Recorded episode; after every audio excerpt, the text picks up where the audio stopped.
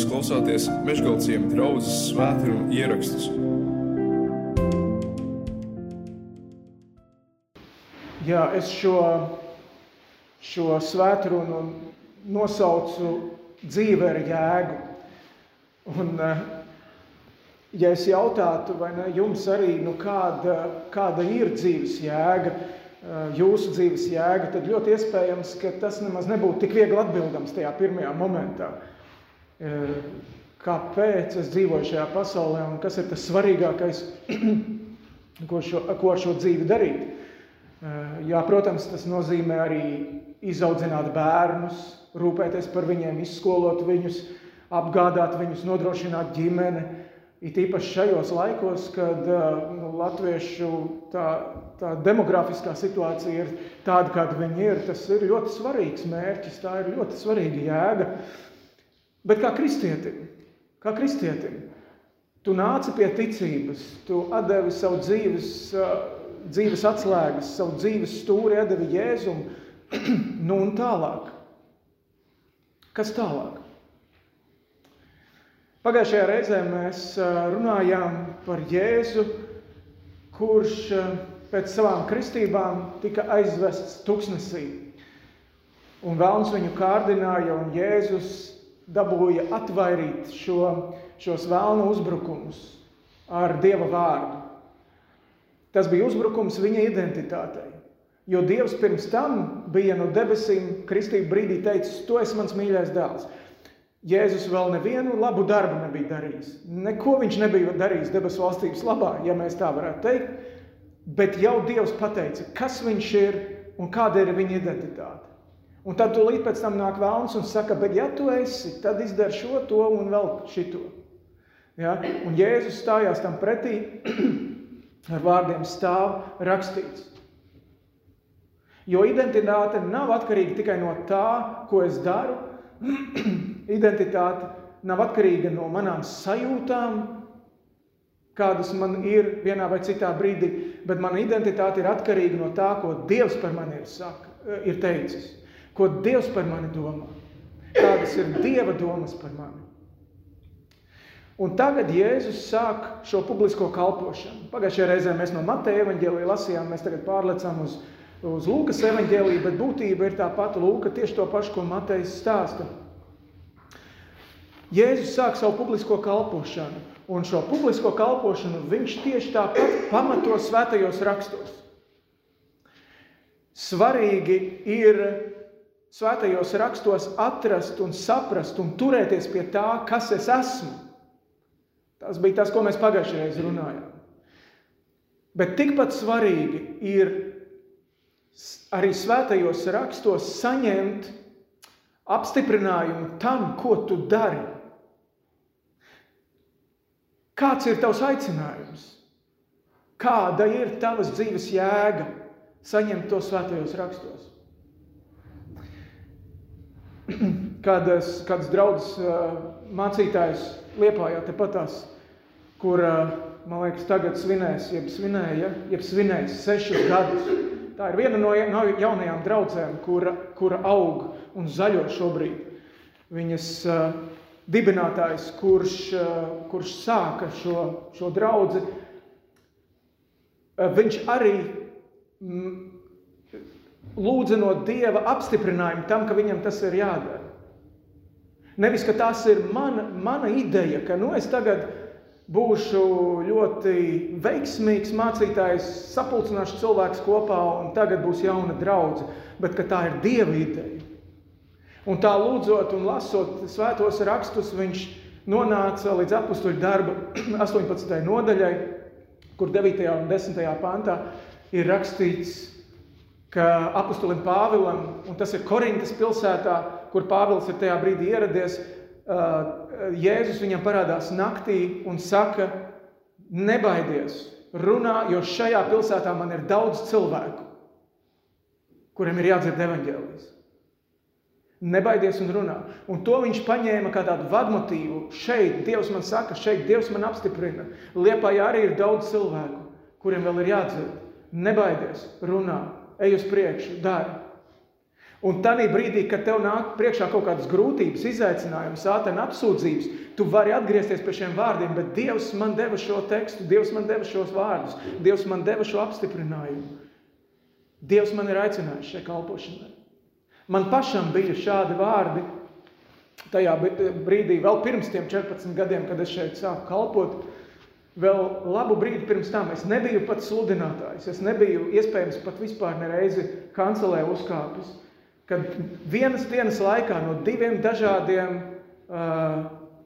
no divām dažādām svēto rakstu vietām, kurām nevajadzēja tajā brīdī būt blakus lasījumos, bet viņas bija.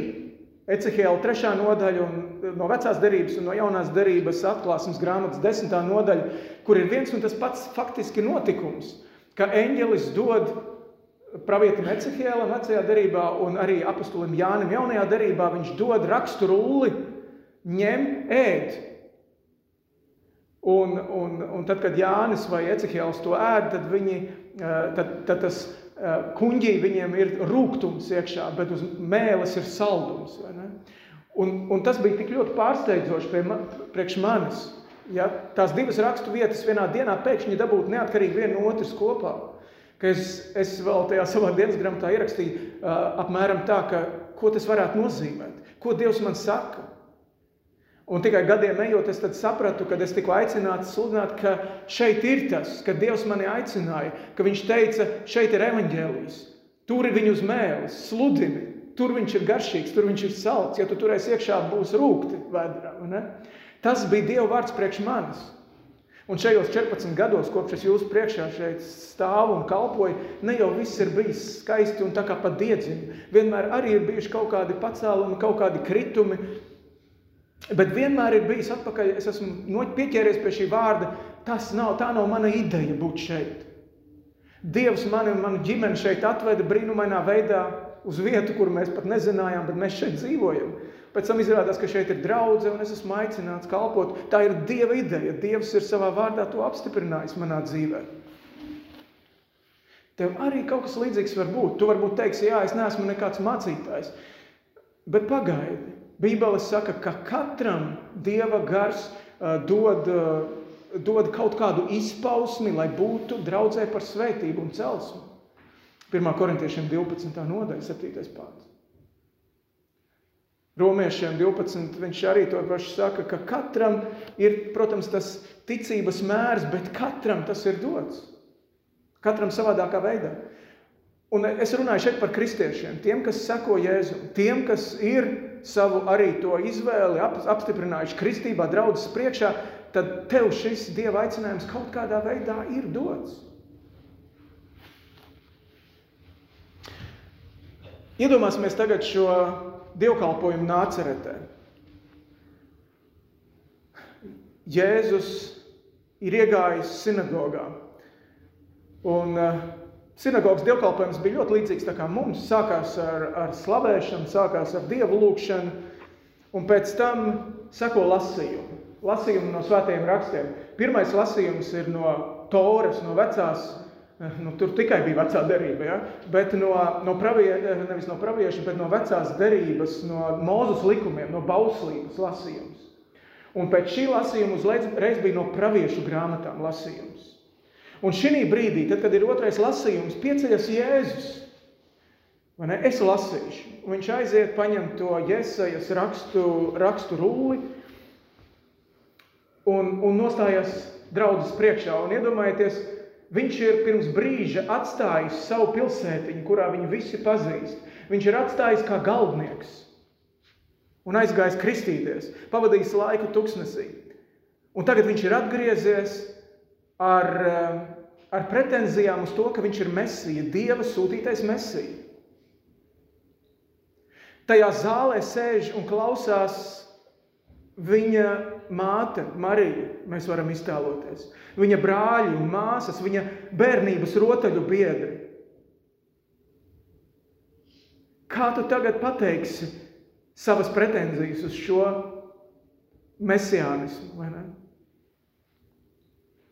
Un 17. pāns mums saka, ka viņš uh, grāmatu atverot, viņam gadījās tā rakstu vieta. Un šis Es nezinu, kādā veidā viņš šī tulkojumā šis vārds ir ienācis. Jaunajā tulkojumā ir pareizi, un pareizais vārds ir, ka viņš atrada ka viņš atrada, atrada, toreiz nebija tādas grāmatas kā mums, bet bija rullī, vai ne? Un viņš ritināja to rulli gandrīz līdz pašām ruļļa beigām, 61. nodaļa no 66 iesaist grāmatas nodaļām, toreiz vēl nebija arī nodaļās sadalīts, bet viņš tina, kamēr atrada šo vietu. Un interesants tas vārds arī uh, tam rullim, biblijum, biblijum, bībele faktiski, ja? Viņš Bībelē atrada apstiprinājumu tam, ko viņš dara, ko viņš ir nācis tagad darīt. Un visi šie cilvēki, kas sēž viņa priekšā, viņi tagad, kā tur ir rakstīts, viņi gaida sprediķi, gaida, ko tad viņš teiks par šiem vārdiem. Un ko tad Jēzus saka? Šodien šis jūsu ausīm dzirdētais raksts ir piepildīts. Es zinu, kāpēc es esmu šeit atsūtīts. Tā kunga gars ir uz manis, jo viņš manis svaidījis sludināt prieka vēsti nabagiem, pasludināt atsvabināšanu cietumniekiem un akliem gaismu, satriektos palaist vaļā un pasludināt mūsu kunga žēlastības gadu. Es zinu, kāpēc es esmu sūtīts, es zinu, ko es esmu nācis darīt. Tas nav kaut kas uz labu laimi. Es peldēšu par to savu kristīgo dzīvi. Kā nu būs, tā nu būs. Un, kad mēs lasām evanģēlijas, mēs atkal un atkal varam pie šīs tēmas ieraudzīt, ka Jēzum bija daudz dažādu brīžu, kuros eh, dzīve vai mācekļi vai apstākļi varēja mēģināt viņu dabūt nost no šīs trases.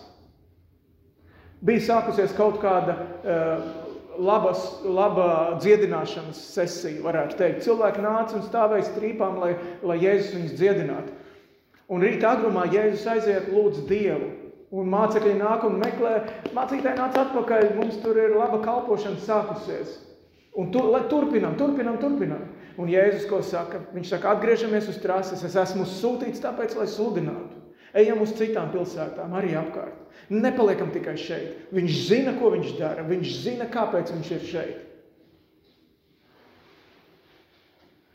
Kādā citā vietā pašos evaņģēlīja vēstījumu vidū gan Mar Mateja, Marka, Lūkas evaņģēlīja, gandrīz pašā stāstījuma vidū ir notikums, kur Jēzus ar saviem mācekļiem ir ārpus jūdejas, viņi staigā pa ceļu un Jēzus viņiem prasa, ko cilvēki saka par to, kas es esmu. Nu, viņi tur saka vienu, otru, trešo lietu, bet viņš saka, ko jūs sakāt, kas es esmu. Un mācekļi atbild, tu esi Dievdāls, tu esi Kristus, tu esi Mesija. Nu, jau tik ilgu laiku viņi ir bijuši kopā ar Jēzu, lai saprastu, ka ka viņš ir Dieva dēls, ka viņš ir kaut kas īpašs. Un tad tajā brīdī Jēzus saprot, o, mācekļi ir sapratuši jau tik daudz, mēs varam spērt vēl vienu soli tālāk. Un kas ir šis solis tālāk? Viņš no šī brīža sāk mācīt kaut ko jaunu. Viņš sāk mācīt par savu krustu, par to, ka viņam būs jāiet, jācieš, jāmirst, bet ka viņš arī augšām celsies. Tieši no tā brīža viņš sāk te, šo te mācīt mācekļiem. Un jūs zinat, kas notiek, ja tajā brīdī apustulis Pēters, viņš paņem Jēzu sānis, viņš saka, hei, mācītājs, stop, stop, stop, stop, stop, tagad pietiek, ja, ap, nerunā šitā. Lai nedod Dievs, kā ar tevi kaut kas tāds notiek. Un ko Jēzus viņam saka? Jēzus viņam saka, atkāpies no manis sātana. Un, un tas ir ļoti interesanti. Tie ir vārdi, kurus viņš teica arī tuksnesī, sātanam, īstajam sātanam. Tieši tie paši vārdi. Atkāpies no manis sātana. Un to viņš saka Pēterim. Kāpēc? Tāpēc, ka viņš mēģināja atkal viņu dabūt nos no tā ceļa.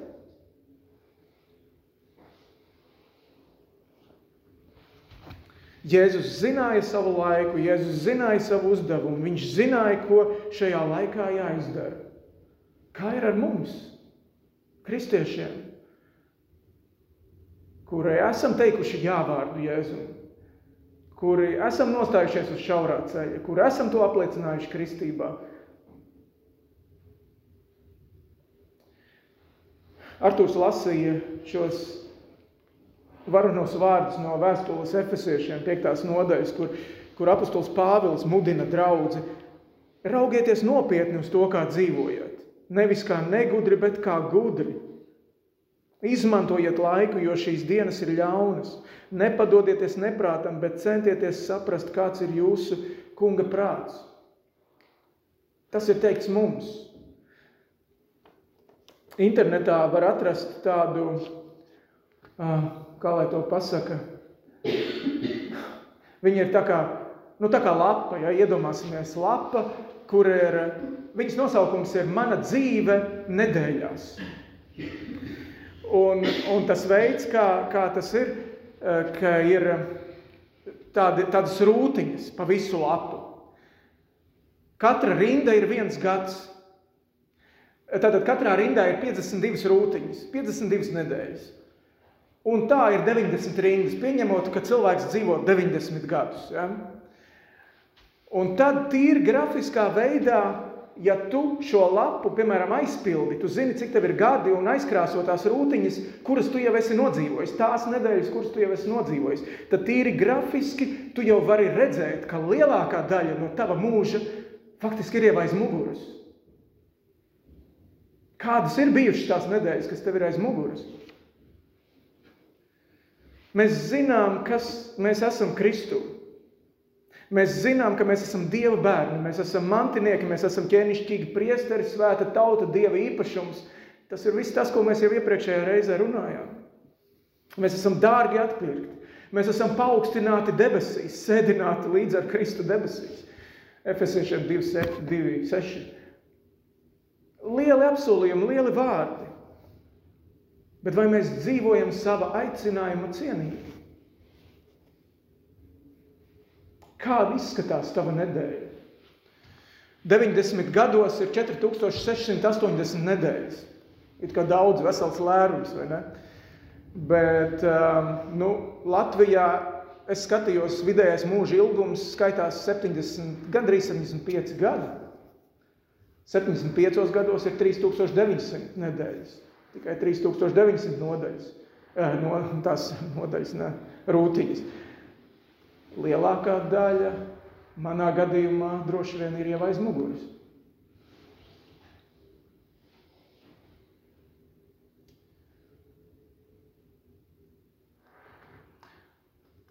Es lasīju kādu pētījumu, un es jau ar dažiem no jums dalījos, tiem, kas mācās no galvas tos bībeles tekstus, par to, ka bībeles, bībele, bībele atstāja būtisku iespaidu cilvēka dzīvē.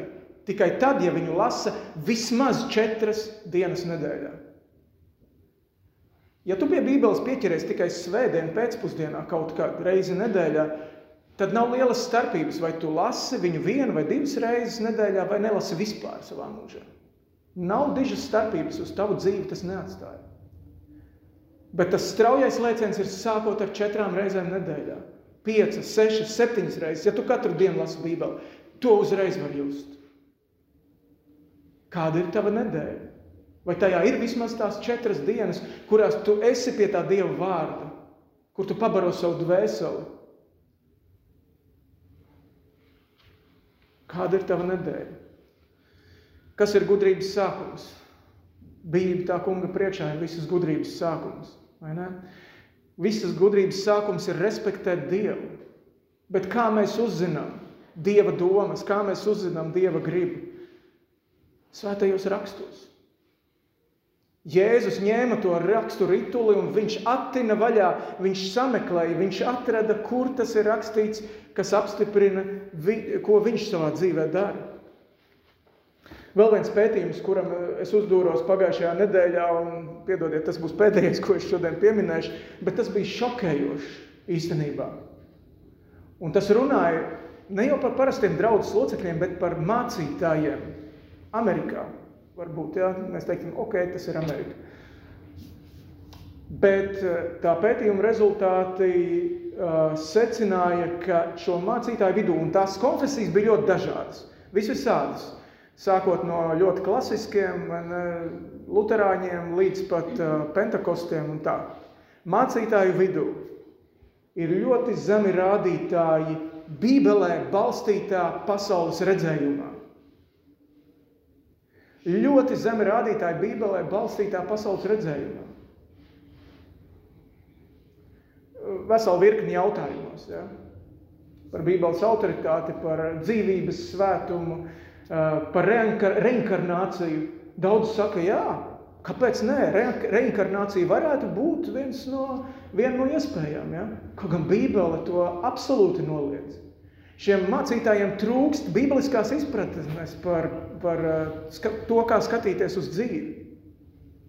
Un tad Džordžs Bārna, kurš ir tāds no autoritāte šajā socioloģijā pētījumos, viņš secina viņš saka, acīm redzot, ka kultūra, kurā draudze dzīvo, ietekmē draudzi daudz vairāk, nekā draudze ir spējīga ietekmēt kultūru tur ārpusē. Kultūra mūs ietekmē daudz vairāk nekā mēs spējam ietekmēt kultūru. Un kāpēc tas tā ir? Vai tas nevarētu būt tāpēc, ka mēs daudz vairāk laika pavadām YouTube, mēs daudz vairāk laika pavadām Facebook, mēs daudz laika vairāk pavadām Instagram, TikTokā un es nezinu, kur tur vēl, nekā Dieva vārdā, Bībelē. Un tāpēc jau nav arī tas brīnums, kad mums te bija ne, parakstu vākšana par vērtībām, kuras ir Bībelē balstītas, no visas Latvijas balstiesīgajiem 2,5% apmēram tikai uzskatīja to par svarīgu aiziet un nodot savu balsi par to.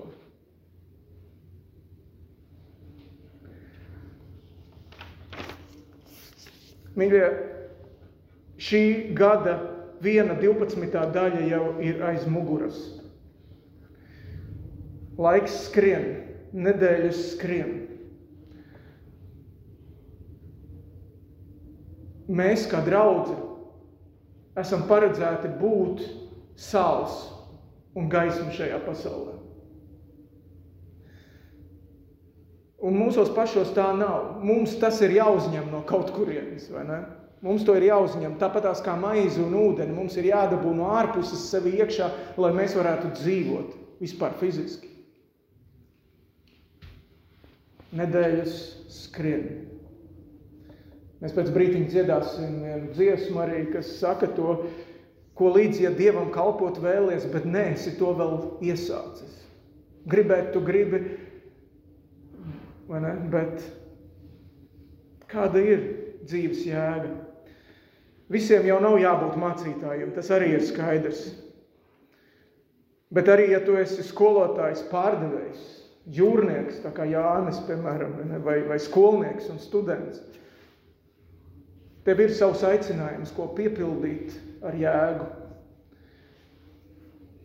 Tev ir dots laiks, kuru, kuram piešķirt vērtību. Un vērtību atradīsim vārdos, ko Dievs par mums saka.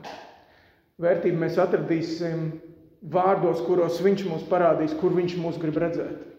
Un visbiežāk šāda dieva runāšana nenotiks kaut kur, nu, tā kā, zini, pērkons no zila gaisa, ja, tā kā Jēzus un Kristība dienā. Tā var būt, bet tas nenotiks tādā ziņā pārdabiskā veidā bieži vien. Tas notiks tavā regulārajā klusajā laikā ar bībeli lūkšanu. Tur tas notiks, kad Dievs sāks vadīt caur savu garu tavus dzīves kuģi Es gribu, lai tu dari šo vai dari to. Man tur ir vajadzīga, man tur ir vajadzība manā draudzē. Es gribētu, lai tu to mēģini darīt. Tu esi mans bērns.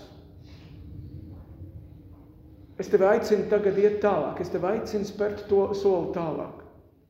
Varbūt tā ir tikai viena reize nedēļā, kad tu varbūt ar kādu citu no, no draudzes satiecies, lai palasītu Bībeli, lai palīdzētu tam otram arī ieiet šī Bībeles lasīšanas ritmā varbūt?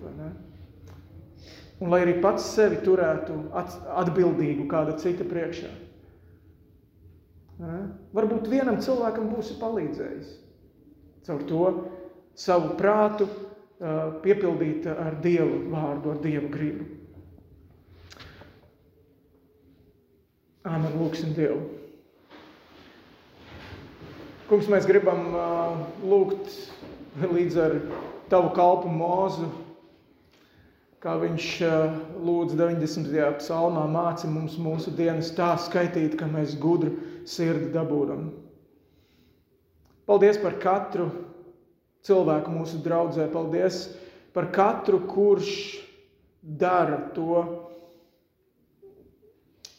to garīgās dzīves disciplīnu, kurš lasa, kurš velta laiku Dievam, kurš lūdz Dievu, kurš meklē, kurš iet un liecina citiem cilvēkiem. Paldies par katru un pamodini arī tos no mums, kuri uh, varbūt vēl neredz, kas būtu tā vieta draudzē, kā es varu būt par svētību savam tuvākajam. Es lūdzu, lai tu dari mūsu draudzi patiešām veselīgu, lai tu to dari dzīvu, lai tu to dari par skaistu līgavu, kurai tu ar prieku uh, nāksi pakaļ un vedīsi savās mājās. Kungs, Jēzu, to mēs lūdzam Tavā vārdā. Āmen.